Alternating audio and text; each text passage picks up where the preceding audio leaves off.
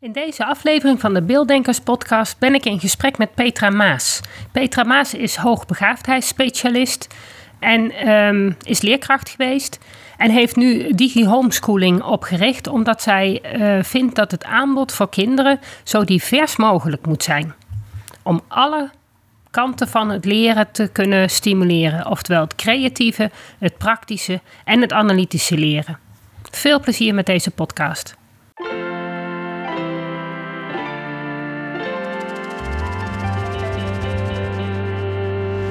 Welkom bij de Beelddenkers podcast. Ik ben Natasja Esmeijer van Beeldig Brein en de schrijfster van het boek Beelddenkers als kwartjes vallen. Ik neem jullie mee in de wereld van de beelddenkers. Beelddenkers zijn creatieve, intelligente en zorgzame mensen, maar ze hebben moeite met onze vluchtige, snelle maatschappij. Dat begint al op school en het werkt door in het werkende leven.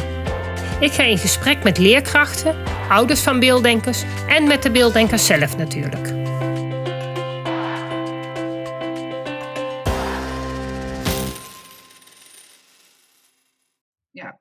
Petra Maas en uh, ik ben uh, tien jaar geleden in het onderwijs uh, ingestroomd.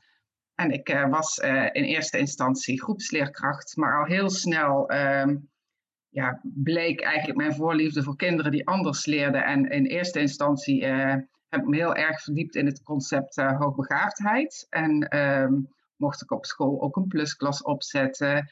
En um, nou, mijn liefde voor die kinderen die echt anders leerden, die uh, ontwikkelde zich verder. En uh, toen heb ik de ETCHA-opleiding gedaan uh, aan de Rabat Universiteit van Nijmegen. Maar um, wat mij eigenlijk het meest fascineerde, hoe kan het dat kinderen die zo intelligent zijn vastlopen in het, um, in het onderwijssysteem? En mijn zoektocht ging verder naar het zijnsluit van Tessa Kieboom, die dus benoemt dat uh, naast uh, het cognitieve leren ook de zijnskant van hoogbegaafdheid daar een, uh, een rol in had. En um, nou ja, gedurende die studie kwamen er ook andere theoretici aan het woord. Voor mij bijvoorbeeld Sternberg, succes, succesvolle intelligentie. Maar ook bijvoorbeeld um, Gardner met de theorie van multi, multi nou moet ik zelf even stotteren, maar uh, dat kinderen dus op hele verschillende manieren leren. En um, mijn werkzaamheden verplaatsen zich ook steeds meer van het schoolse ook naar uh, bovenschoolse plusklassen, maar ook settings waar uh, kinderen die op andere manieren leerden, ja, kwamen om, om uh, handvaten te krijgen en of ehm, vaardigheden te ontwikkelen het CBO Vooruitwerklab uh, in het um, samenwerkingsverband IJsselberkel is daar een voorbeeld van. Maar ook in de praktijk van hoogbegaafdheid in Apeldoorn uh, werkte ik met kinderen die anders leerden. En um, nou ja, even hè, heel snel in vogelvlucht. Wat er eigenlijk gebeurde met de corona is dat al die uh, gedachtegangen van mij van hoe zou je kinderen kunnen leren samenkwamen. En uh, volgens mij zit ik daarom hier, omdat ik een um, concept bedacht heb tijdens die coronatijd. Dus die coronatijd heeft mij zeker iets gebracht. En dat heet de Digi Homeschool. Ja, klopt. Want dus daar, hebben wij, mij, uh, ja. daar hebben wij contact over gehad, inderdaad. Ja. Ja. ja. ja. En um, richt jij je nog steeds alleen op hoogbegaafde kinderen die anders leren, of ook op uh, kinderen die wel anders leren, maar niet hoogbegaafd zijn? Nou, kijk, mijn specialisatie is wel hoogbegaafdheid. Uh, alleen uh, merk ik dat als, uh, hè, als kinderen vastlopen, eh, niet die hoogbegaafdheid zozeer voorliggend is, maar ook eh, andere manieren van denken of andere manieren van zijn. En in die Digi Homeschool komen eigenlijk al die dingen samen. In die zin dat ja, de eerste vraag die je ten grondslag ligt is: uh, wat is leren überhaupt? Hè? En um, als je het over schools leren hebt, dan uh, vernauw je het in mijn beleving heel erg. Dan is het heel nauw en even heel kort door de bocht. Dan wordt er gekeken hoe goed je kunt rekenen en hoe talig je bent in het systeem. Terwijl ik uit ervaring weet dat juist hele slimme kinderen vaak ook op een hele andere manier leren. En die kunnen dan wel compenseren maar het sluit niet helemaal aan bij de natuurlijke manier van leren. En überhaupt het schoolsysteem uh, is natuurlijk maar een heel klein stukje formeel leren. En leren is in mijn uh, visie veel breder. Dat, dat, gaat je hele leven door. Dus mijn bedrijfsnaam is ook Leef Leer. Uh, in je hele leven leer je van allerlei dingen. En ja, goed, school is geformaliseerd, maar dat is maar zo'n klein stukje van hè, wat een mens mag leren in zijn leven. Dus nee, ik um, richt me niet meer zozeer op hoogbegaafdheid, maar op leren. En uh, mijn um, slogan daarbij is leren niet omdat het moet, maar omdat het ertoe doet. Omdat ik denk als je als mens um, volledig ontwikkelt, hè, dus leert, leert wat je bent en wie je bent, dat je een gelukkig mens bent. Dus uh, dat ligt ten grondslag aan mijn concept Digi Homeschool. En um, ja, wat ik ook zie is dat op school um, heel erg analytisch geleerd wordt, terwijl ook uh, de praktische uh, vaardigheden en uh, creatief leren heel erg van belang zijn. En Sternberg, um, een, een, theoreticus waar ik echt blij van word, die zegt eigenlijk als die drie in evenwicht zijn, ja, dan ben je succesvol intelligent. Ja. en ik leg succesvol intelligent dan maar uit als van dan kun je je potentieel ontwikkelen en dan word je dus een gelukkig mens. Ja, ja ik heb hem dus, ook gelezen. Het is inderdaad heel interessant wat hij zegt. En eigenlijk ook wat je op school heel makkelijk toe zou kunnen passen. Ja, ja, ik, dus ben dat, dat... Uh, ik sta natuurlijk voor ja, alle beelddenkers. De hoogbegaafden ja. zijn over het algemeen beelddenkers. Maar ja, je hoeft niet altijd hoogbegaafd te zijn. Er zijn ook kinderen met een IQ van 70, 75 die op een normale school zitten. En ook op een andere manier leren. En alles ja, wat daartussen zeker. zit.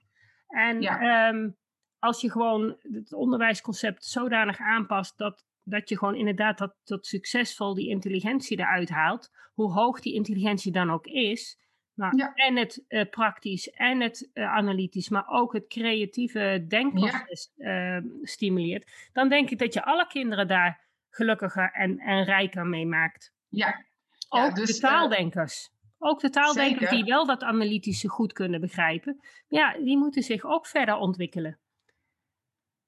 Maar alleen uh, product afleveren in taal is niet genoeg. Hè? Ik merk gewoon heel erg dat uh, uh, de vaardigheden van kinderen, of het nou gaat eh, over knippen of over plakken, en dat klinkt heel ja, bijna jufferig, zo is het niet. Maar het gaat over een set van vaardigheden die je al spelend, al doend leert. En ik, ehm, ja, krijgt de indruk, ik heb het natuurlijk niet wetenschappelijk uh, bewezen, dat dat gewoon uh, minder wordt in de loop van de jaren. Hè? Dat kinderen gewoon, um, doordat ze en veel achter het beeldscherm zitten, waar ik niks op tegen heb, en uh, weinig spelen, dus in een context leren, eigenlijk ja. heel smal ontwikkelen. En ja, daar zie ik inderdaad die theorie van Sternberg wel als een, een, een soort van nou, oplossing, maar een, een, een raamwerk van hoe kun je nou kijken hoe je je onderwijs anders kunt maken. Ja.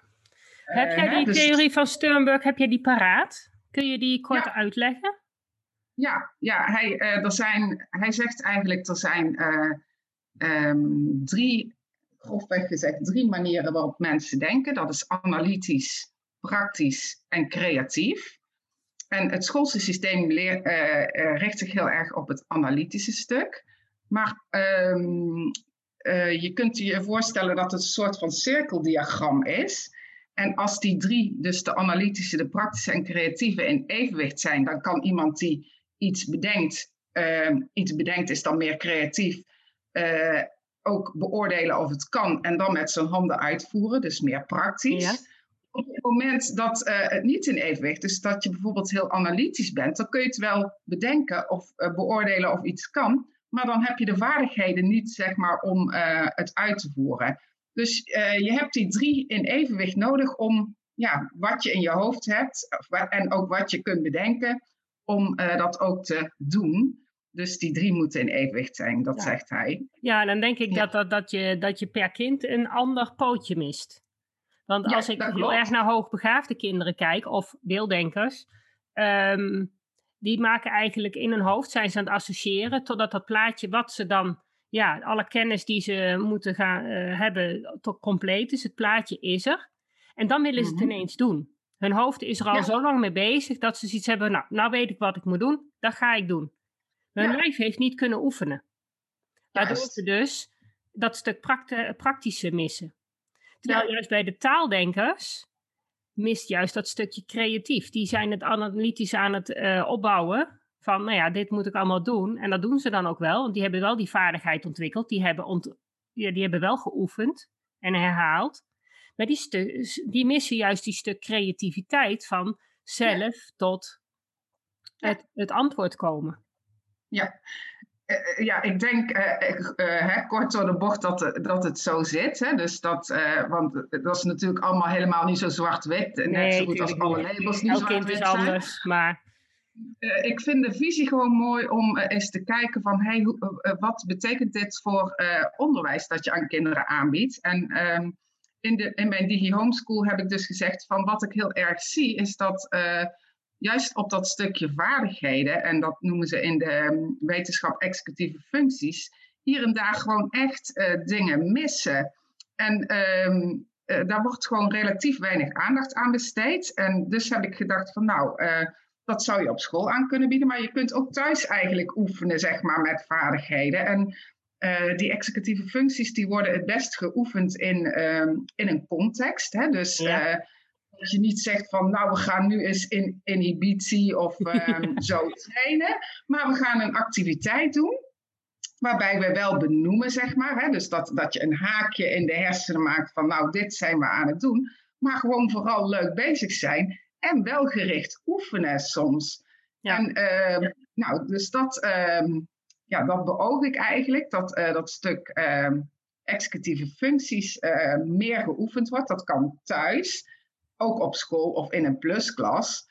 Uh, ik bied eigenlijk contexten om vaardigheden te oefenen met mijn Digi Homeschool. En uh, ja, ik denk uh, dat dat heel erg helpend kan zijn om eh, te leren in de breedte. Ja, en heel concreet, die Digi Homeschool. Um, ik ben er even geweest. Het is gewoon een, het is een website.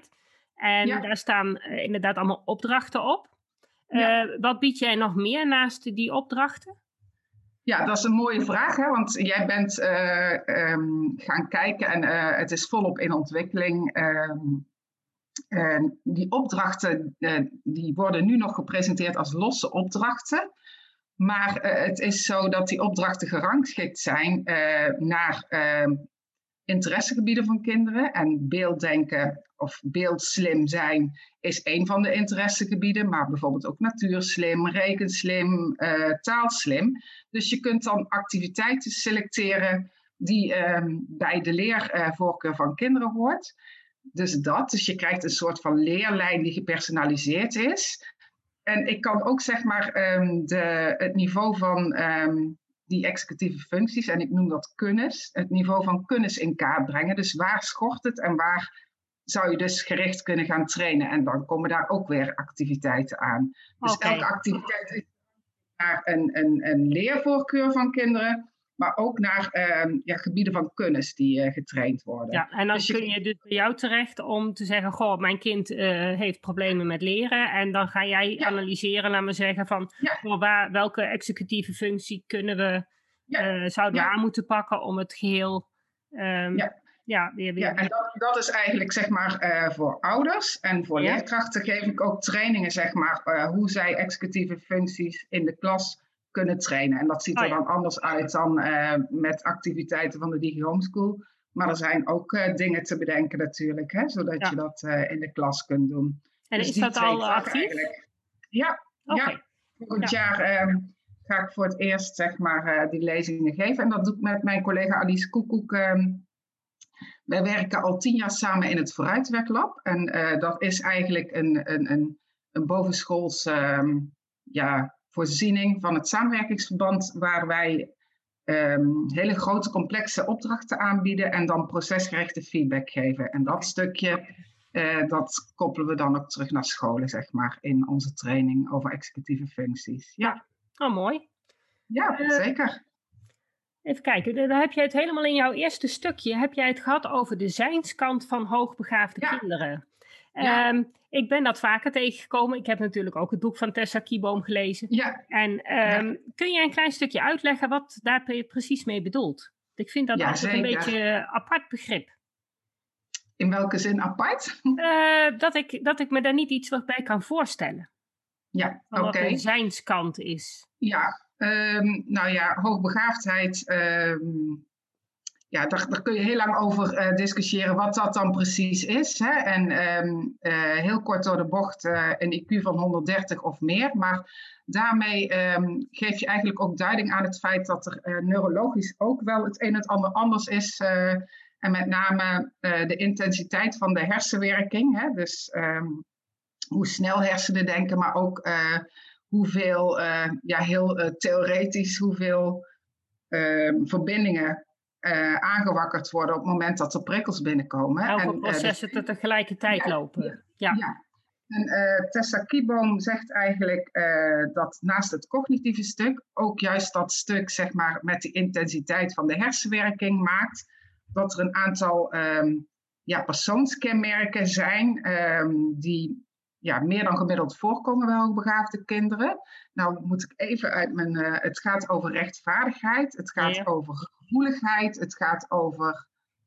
ah, nou weet ik natuurlijk alle vijf niet zo uit mijn hoofd. Associëren.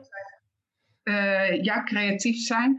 Maar er zijn dus eh, een aantal persoonskenmerken die meer voorkomen, waardoor ook eh, een intensiteit in gedrag zichtbaar is. Ehm, en eigenlijk, als je kijkt, is dat vaak een grotere uitdaging dan het cognitieve stuk, zeg Ja. maar. Dus de intensiteit van eh, de gevoelswereld.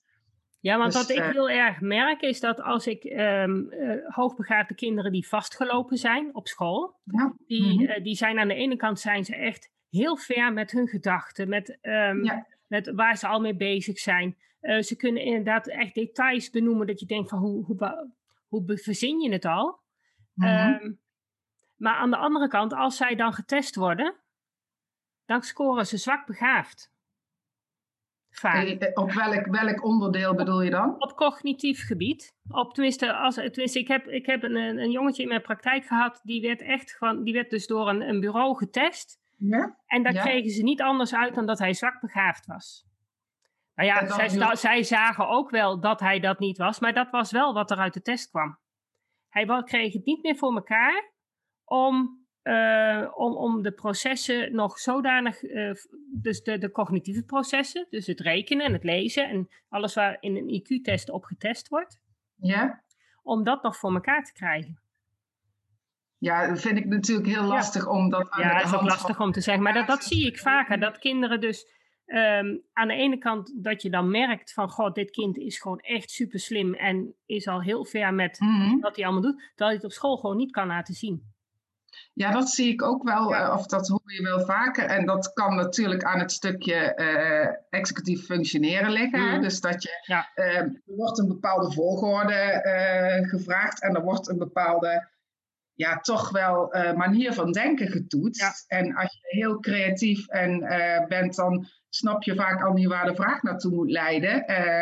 Dat hoor je vaker, hoogbegaafde kinderen scoren slecht op CITO-toetsen omdat ze vragen heel anders interpreteren dan een gemiddeld begaafd kind. Dus er, er spelen een aantal processen. Dus ik vind het heel lastig om Ja. daar een eenduidig antwoord op te En toch vind ik dat, dat zie je dus ook heel sterk gewoon bij normaal begaafde beelddenkers. Die denken Ja. dus ook gewoon anders. Ja, in Ja. mijn boek noem, eh, nou, in mijn boek heb ik dat nog niet staan, maar ik, ik, ik noem eigenlijk de beelddenkers gewoon, eh, of hoogbegaafde kinderen superbeelddenkers. Alles wat beelddenkers doen, doen zij nog veel intenser. Ja, ja, dat kan, ja. Ja, Ja, en het, het onderwijssysteem is natuurlijk heel talig. Dus ik kan Ja. me ook voorstellen als jouw denkvoorkeur in beelden gaat, dat je daar ook gewoon je hele potentieel niet kunt laten zien. Hè? Eh, Ja, dat nou, het is, gewoon ook jammer. talig, aan de ene kant talig, maar het is ook gewoon dat stap voor stap, dat analytische, dat, dat langzaam opbouwen. Daar lopen ze eigenlijk. Kijk, die taal, Ja. niet alle beelddenkers hebben problemen met taal. Nee. Ehm, maar ze hebben wel problemen met interpreteren van taal.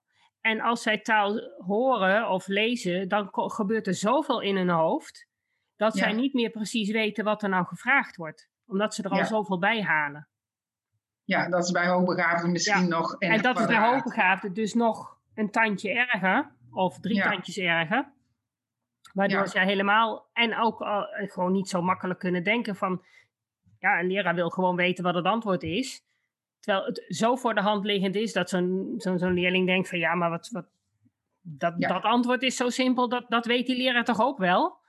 Ja, nou dat, dat soort dingen hoor je dan natuurlijk inderdaad. Ja, ja dus Dat, dat, dat... En, en uh, uh, daarom is het denk ik als een kind getest wordt uh, en je vermoedt hoogbegaafdheid of beelddenken, dat, dat ook het bureau wat test daar ook die twee kanten kan zien. Hè? Dus dat het niet een standaard. ja, maar het probleem is dat ze, als je dan voor zo'n kind ander onderwijs zoekt, dan willen ze een IQ-test. En als je dan dus niet als bureau kan testen dat er inderdaad die hoogbegaafdheid uitkomt, dan heb je wel een probleem. Want dan kan het kind dus niet naar hoogbegaafde onderwijs. Terwijl het daar misschien juist wel op zijn plek zou zijn. Maar ja, als je die IQ van 130 niet haalt, word je daar niet aangenomen. Dat ligt er een eh, beetje aan, hè? maar ja, ja snap ik. Ja, ja, ja wat dat, dat is soms lastig. In onderwijsland uh, uh, ja, nog heel wat uh, winst te behalen is als we allemaal in neurodiversiteit gaan denken. Hè? Want al die labels, kijk, het is soms makkelijk um, uh, omdat je denkt in welke richting je moet zoeken. Maar ieder mens is natuurlijk uniek. En ook elk hoogbegaafd mens is uniek. Dus ja, en het is niet altijd gelijk te zien, hè? Dus nee. je moet het nee. op de kleuterschool eigenlijk er al uitpikken. Want ja. dan passen ze zich al aan. En sommige kinderen zijn zo goed in dat aanpassen, ja. dat ze eigenlijk pas veel te laat opgemerkt wordt. En de ouders hebben het dan misschien wel in de gaten. Maar ja, die weten ook niet uh, ja, dat hun kind dan misschien hoogbegaafd zou kunnen zijn. En ja, en die verwachten dat school dat dan wel oppikt. Maar het is vaak, ja, en, het, en het aanpassen en het. Kijk, sommige kinderen die, ja, die vallen er gewoon uit. Die, die, die zie je, dat, dat merk je, och, deze is hoogbegaafd. Maar niet allemaal. Nee. Je kan ook te maken nee, dus... hebben met autisme. Je kan ook te maken hebben met een sterke wil. Die, ja. die gewoon er tegenin gaat en uh, zoiets heeft van zoek het zelf lekker uit. Ja, ja. Dan ben je heel snel op het verkeerde been gezet. Ja, en die uh, context is signaleren natuurlijk een hele belangrijke. En uh, gelukkig uh, merk ik in de tien jaar dat ik daarmee bezig ben, dat daar wel um, beweging komt. En ik vind in die context de profielen van Betsy Nijhart ook altijd mooi om te zien. waarbij um, er een aantal standaard profielen geschetst worden van hoogbegaafde kinderen. En dan zie je inderdaad ook dat het lang niet altijd zo is dat hoogbegaafde kinderen inderdaad op school kunnen laten zien wat hun potentieel daadwerkelijk is. En um, ik heb ook wel eens de vraag gekregen van iemand die zei van ja, mijn kind is hoogbegaafd, maar niet op cognitief gebied, maar op creatief gebied en muzikaal gebied. Ja, wat, ja, wat kun je daar dan mee? Want zo'n kind kun je niet op het VWO zetten. Terwijl die daar nee. aan de andere kant wel zijn maatjes tegenkomt. Kijk, dat, dat, zijn allemaal van die individuele casussen ja. waar, wat, wat, ik heel lastig vind. Uh, hoogbegaafd, uh, ik zei je aan het begin al, uh, toen ik de ETSA-opleiding deed, is er één hele dag gegaan over de definitie van wat is hoogbegaafd nou. Hè? En um, in het algemeen gaat het dan over um, een IQ met een aantal persoonskenmerken. En ik snap jouw vraag heel goed. Als iemand heel muzikaal is, die komt zijn, uh, zijn peers niet tegen als die zeg maar uh, niet op het VWO terecht komt. Maar uh, misschien komt hij zijn peers wel tegen, zeg maar, als hij zijn talent gaat volgen um, en uh, echt uh, muziek gaat maken. En ik denk steeds vaker van, goh, misschien is het juist heel belangrijk dat een kind leert waar hij blij van wordt, waar zijn talent echt ligt. In plaats van of die nou op de HAVO-VWO terechtkomt. Dus kijk, kijk hè, even heel een beetje spiritueel gezegd, van kijk waar de energie stroomt. Dus ga niet in je weerstand. zoek je talent en volg dat pad. Ja, maar het is um, als je naar de manier van lesaanbod kijkt op het VWO, is dat veel passender bij de, de, de, de, wat, wat, wat een, een, een, een, beelddenker nodig heeft dan bijvoorbeeld een HAVO of zeker een MAVO. Ja. Omdat je daar toch, daar wordt er toch wat meer gevraagd van, goh, uh, ga zelf op zoek. Ik bedoel, daar wordt een vraag gesteld, die staat bijvoorbeeld niet in de tekst. Moeten ze uit de tekst halen. Bij de HAVO staat het er over het algemeen wel in. Krijg je de feiten die je moet leren en dat wordt getoetst. Uh, ik denk dat dat heel erg afhankelijk is ook van scholen. Uh, Oké. Okay. Ja, dus dat... Ja, dat is eh, wat, wat mijn, ehm, mijn collega, die, die, die zegt dat altijd. Haar zoon die heeft, zit, heeft dus op de HAVO gezeten, doet nu VWO. En die heeft zoiets van, ja, maar ik ben hoogbegaafd, dus moet ik VWO, want dat, dat lesaanbod pas- past beter bij mij. Dat Ik is hun eigenlijk- argument.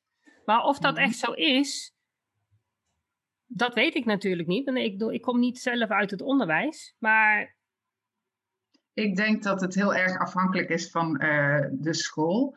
Eh, er zijn steeds meer scholen die ook eh, een programma hebben voor hoogbegaafde kinderen. Maar ehm, als je Duitse woordjes moet leren, is dat in mijn beleving op de HAVO hetzelfde als op het VWO. Dus dat stuk hè, van gewoon Mm. ehm, moeten leren, wat sommige hoogbegaafden ook heel lastig vinden, dat blijft overal. En Ja. ik ben het in die zin eens van dat je misschien op een VWO ehm, meer aangesproken wordt op je analytische capaciteiten. Hè? Omdat er dus eh, meer naar verbanden gevraagd wordt dan daadwerkelijk uit je hoofd leren. Maar ehm, ik denk dat het ook te maken heeft of het schoolpassend is of er begrip is van hoe jij denkt. Ja. Dus eh, volgens mij staat dat een beetje los van het niveau, eerlijk gezegd. nou ja, nee, is Ja. mooi. Het, het is maar wat ik aan de ene kant hoor. En Ja. ik probeer bij jou even een ander antwoord te krijgen. Ja, maar ja, goed, als je. Ehm, eh, het is natuurlijk wel zo dat als je hoogbegaafd bent, dat je er bijna van uit zou mogen gaan. Hè? Want je hoort gewoon bij de 2% ehm, eh, eh, van de populatie Ja. die het hoogste IQ heeft, bij de 2%, dat je wel een VWO aan zou moeten kunnen in Ja. principe. Ja. Maar goed, zijn het ligt ook heel erg aan jouw voortraject. Ja, aan, motivatie. aan, je, aan je doorzettingsvermogen. Of, je, of dat je niet veel liever bijvoorbeeld muziek gaat maken. Dus ja, weet je, ik vind het heel lastig om dat in algemeenheden. Nee hoor, ik zie kinderen met een hoog IQ, zie ik, en dan- die zijn dan niet hoogbegaafd, maar wel beelddenken met een, gewoon echt een adequaat IQ, die gewoon op, op het kader of op de MAVO gewoon nog echt Ja. aan het, aan het, aan het ja, struggelen zijn om te zorgen. Omdat die gewoon die, die manier van leren soms gewoon Ja. heel lastig is. Voordat zij zelf doorhebben hoe zij het wel kunnen. Ja, en dan Ja. krijgen ze gewoon niet de, de, ja, de, de- die, die, die, al die Nee. feitjes niet op een rij. Nee, en het jammere is eigenlijk hè, ehm, ja, hoe het eh, schoolsysteem ingericht is. eh, ja, daar kan ik eh, nog een hele podcast over eh Ja. vol praten. En ik denk niet dat dat de bedoeling is, maar ehm, ja, ik denk dat daar iets mag veranderen. En eh, dat het ouderwets is en eh, ook raar is dat eh, je op elk gebied op een bepaald niveau gemeten wordt.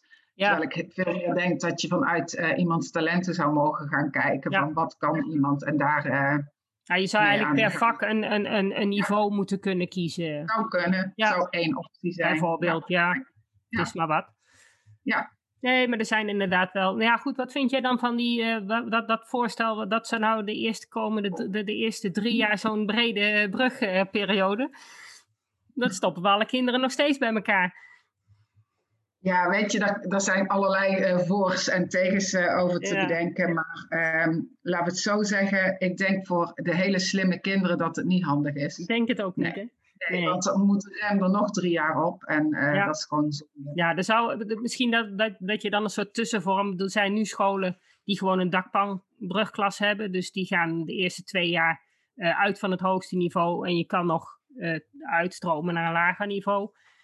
Volgens mij, als je gewoon die mogelijkheid zou bieden: van nou ja, jij weet het nog niet. Oké, ga jij maar in de, in de drie jaar klas. en, en weet je, dan, dan kunnen we nog even kijken wat het, eh, wat het gaat worden. Mm. Maar ik denk dat je ook klassen moet aanbieden voor kinderen die de MAVO doen of die het VWO doen. Je, je moet ze niet altijd maar bij elkaar laten, lijkt mij.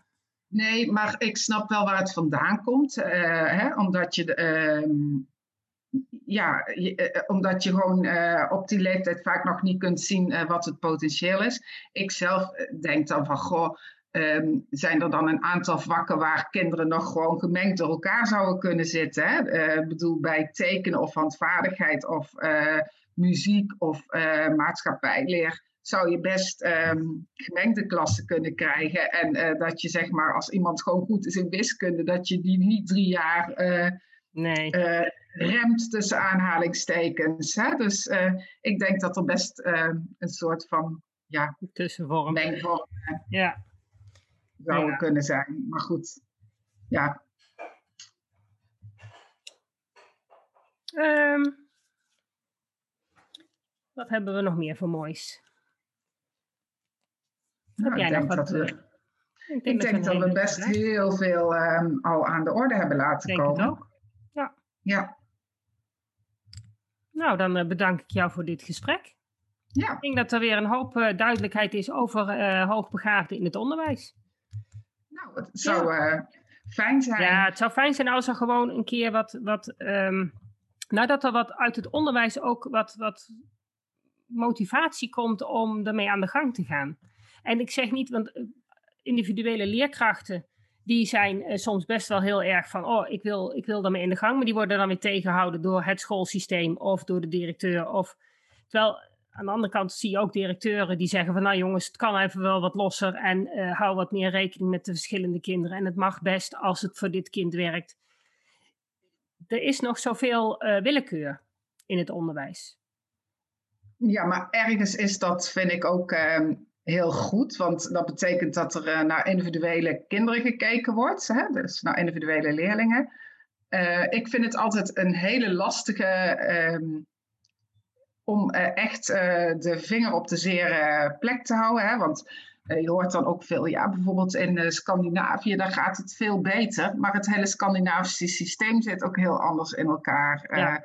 Dus waar het precies ligt, weet ik uh, niet helemaal. Dat, ja, daar, daar kun, kun, je, zei ik net al, een hele mm, podcast mm, over yeah. opnemen. Wat ik wel fijn vind, is dat ik toch merk um, ja, dat er wel meer gekeken wordt naar individuele leerlingen. En um, ik denk dat er een grote slag geslagen kan worden op het moment dat bijvoorbeeld ook um, met de zorg samengewerkt gaat worden. Ja. Dus dat ja. de drie zorg, school, ouders, dat die sterker wordt. En ik denk dat de maatschappij gewoon zo complex is dat je gewoon moet kijken niet alleen naar onderwijsbehoeften, maar naar ontwikkelbehoeften van ja. kinderen. En wat dan anders kan worden. Nou ja, dan kun jij met jouw Digi Homeschool mooi alvast een eerste bijdrage aanleveren. Ik hoop het. Ja, hoop nou, gaan we gewoon nou. Nederlandwijd uitrollen. dat zou leuk zijn. En dan, uh, dan kom ik nog even vertellen hoe dat zit met al die beelddenkers. En dan ja, zijn we helemaal ja. klaar. Natasja, mag ja. ik nog heel even zeggen, want op 10 mei eh, om half acht en 14 juni om half acht leg ik uh, het concept uh, Digi Homeschool, zeg maar, ook voor ouders uit in een podcast, dus, of in een podcast, in een Zoom meeting. Dus mensen kunnen zich aanmelden en okay. dat kan naar een mailtje, naar mijn mailadres. Oké. Okay. Dan, ja. en dat kun je vinden op digihomeschool.nl. Ja. ja, helemaal ja. goed. Dan ja. uh, nou, wil ik jou heel erg bedanken voor dit gesprek. En dan, Jij ook uh, voor de uitnodiging. En succes met je pionierswerk. Heel ja, fijn. Ja, dankjewel. Ja, goed. Oké. Okay. Zo. Dat was het weer voor vandaag. Bedankt voor het luisteren en superleuk dat je erbij was. Ik hoop dat je weer een beetje meer ontdekt hebt hoe gaaf, maar ook hoe lastig het kan zijn om een beelddenker te zijn in een wereld die is ingericht voor taaldenkers. Wil je meer weten? Lees dan mijn boek Beelddenkers als kwartjes vallen. Wil je op de hoogte gehouden worden van alle informatie die ik deel over beelddenkers in het onderwijs? Klik dan op de abonneerknop in je podcast-app. Wil je dat dan meer mensen op de hoogte zijn van hoe beelddenkers anders denken? Laat dan een review achter, zodat er steeds meer mensen in beweging komen om het beelddenken serieus te nemen. Heb je nog tips of vragen? Of ben jij of je kind een beelddenker en wil jij je verhaal delen? Laat het me gerust weten. Wil je als ouder of leerkracht echt weten hoe het allemaal werkt bij je kinderen of bij jezelf? Kom dan naar een van de cursussen. Duik helemaal in het onderwerp en kom erachter dat beelddenkers helemaal niet zo anders zijn en best in ons onderwijssysteem passen, als je maar weet hoe ze denken. Ik geef speciale cursussen voor ouders en voor professionals. Voor meer informatie ga je naar www.natasjaesmeijer.nl. Samen gaan we voor een beelddenkvriendelijke wereld.